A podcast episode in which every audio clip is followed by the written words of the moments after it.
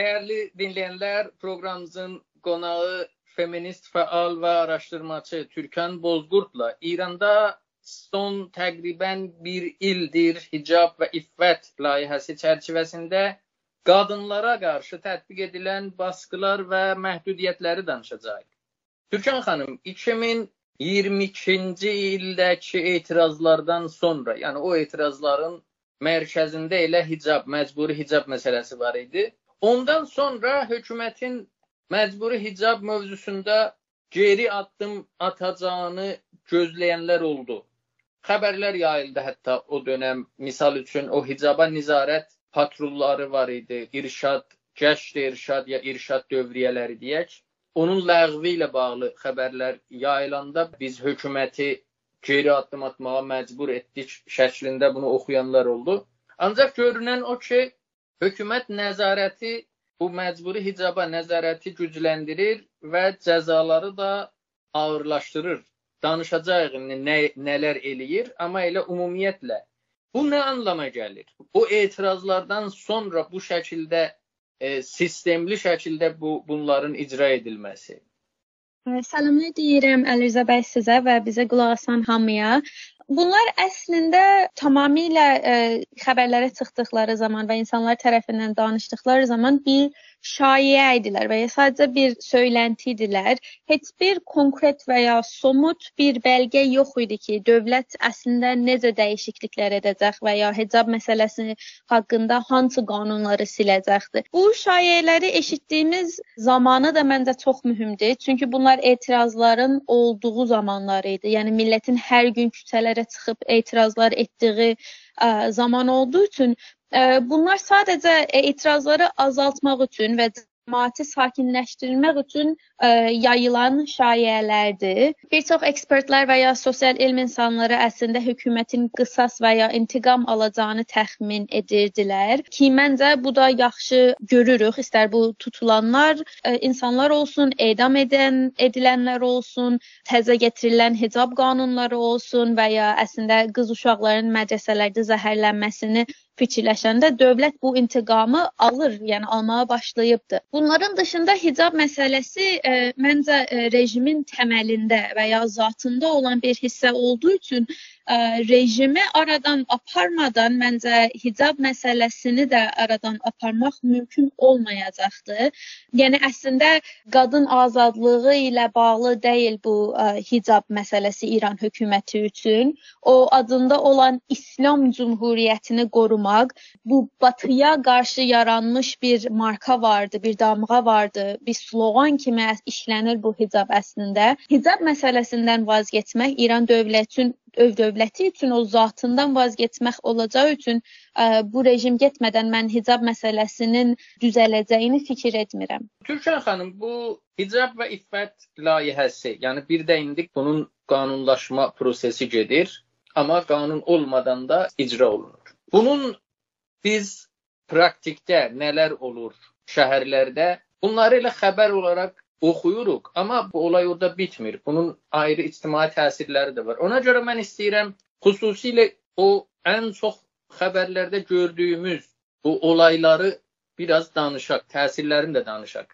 Misal üçün hicabsız müştəriyə xidmət verən iş yerlərinin möhürlənməsi. Nə deyirsiniz? Yəni bunun bu haraya gedər? Bunun təsirləri haqqında nə düşünürsünüz? Əslində göründüyündən məncə böyük bir problemdir. Birincisi bunu eləyərək İran dövləti problemin səviyyəsini dəyişdirir əslində. O diqqəti hökumət məsələsindən çıxardır və məsuliyyəti vətəndaşların üzərinə qoyur. Birinci olaraq məncə əslində İrandakı fikirlərin tərkibini bağlı da biz dürüst olmalıyıq. Bir çoxları ə, əlbəttə ki, baş verənləri ə, dəhşətli və insan hüquqlarına zidd olduğuyla razıdır.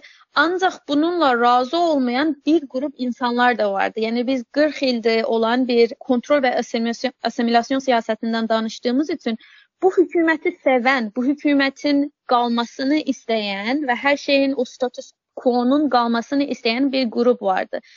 Mən bunu ə, see something, say something siyasəti vardı. Yəni bir şey gördüyün zaman bir şey söyləməlisən siyasətinə bənzədirəm. ki, millətdə qorxu və şübhə mühiti yaradır.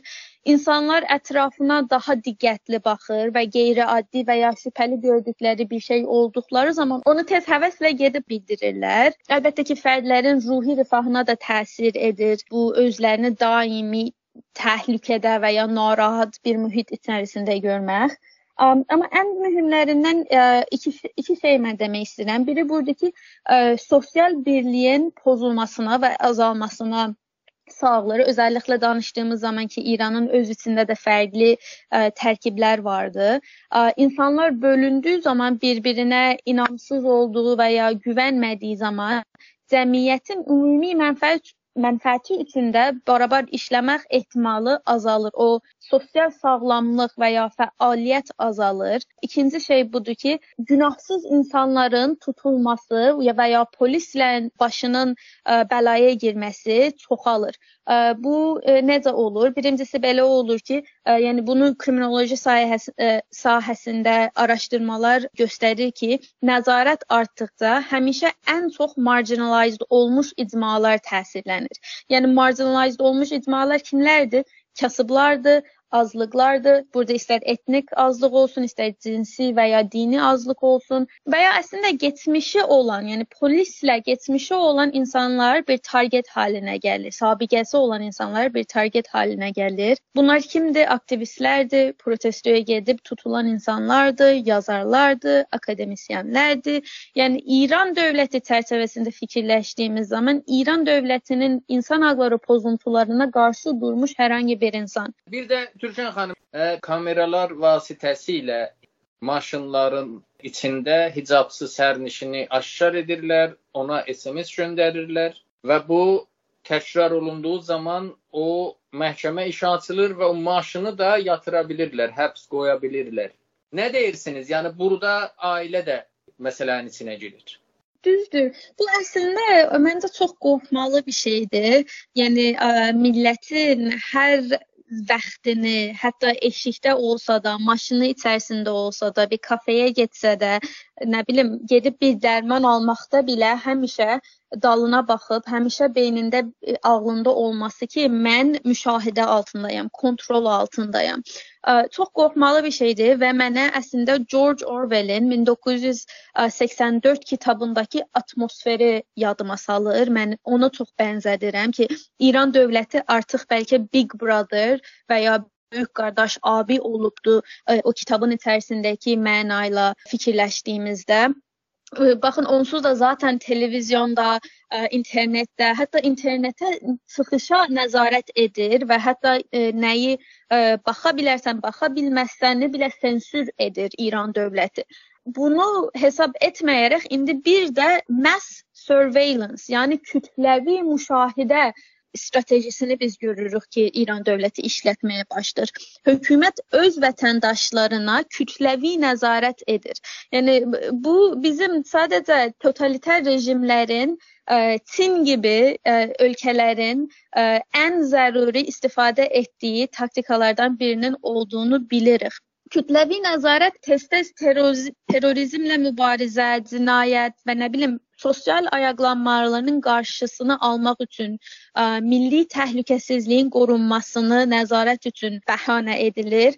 Ancaq bu insan hüquqları baxış açısından baxanda ə, şəxsi toxunulmazlıq hüququ, söz azadlığı, ə, birləşmək azadlığı da daxil olmaqla ə, əsas vətəndaş azadlıqları və hüquqlarının ə, pozulmasını ə, nəticələndirir.